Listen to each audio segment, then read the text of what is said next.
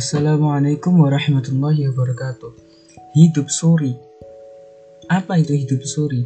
Istilah yang sering kita dengar adalah mati suri. Itu merupakan sebuah istilah untuk menjuluki kondisi di mana seseorang tampaknya mati, tetapi sebenarnya masih hidup.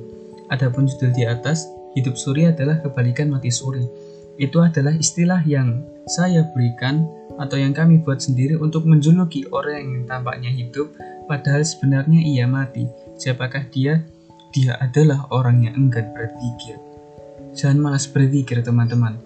Perlu diketahui bahwa selain memotivasi para hambanya, Allah Ta'ala juga mengingatkan mereka agar tidak lalai dari berpikir.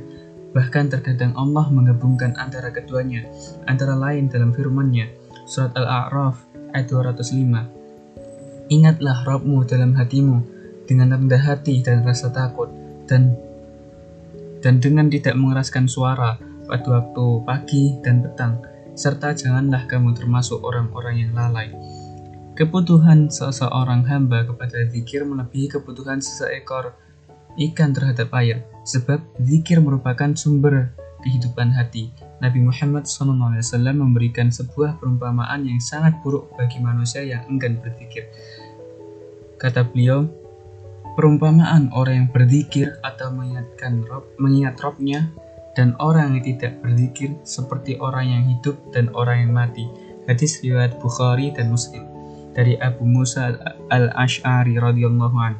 Jenis-jenis hati manusia berdasarkan keterangan hati para manusia bisa diklasifikasikan menjadi tiga jenis.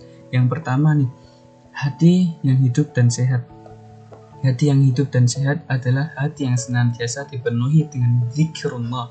Hati yang mengikhlaskan seluruh amalannya hanya untuk Allah Ta'ala. Ia mencintai, membenci, memberi, dan menahan pemberian karena Allah semata. Dalam bertindak dan berlaku selalu selalu dijadikan sebagai patokan adalah keridhaan Allah dan Rasulullah SAW, bukan yang lain. Yang kedua adalah hati yang mati Hati yang mati adalah hati yang kosong dari zikrullah. Hati yang tidak mengenal Robnya, tidak beribadah kepadanya, tidak menjalankan perintahnya, maupun menjauhi larangannya. Ia mencintai, membenci, memberi dan menahan pemberian semata karena menuruti hawa nafsunya. Yang ketiga adalah hati yang sakit. Adalah hati yang masih hidup namun menderita penyakit.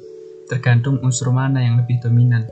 Terkadang penyakitnya berkurang karena porsi zikirnya ia tingkatkan, namun sering kali penyakitnya semakin parah karena terlalu lama tidak berzikir, sehingga hampir-hampir ia mati. Hati pertama adalah hati yang subur dan lembut. Hati yang kedua adalah hati yang tandus dan mati. Hati yang ketiga adalah hati yang sakit. Kadangkala mendekati kesembuhan dan tidak jarang pula mendekati kematian. Lantas, nomor berapakah hati kita?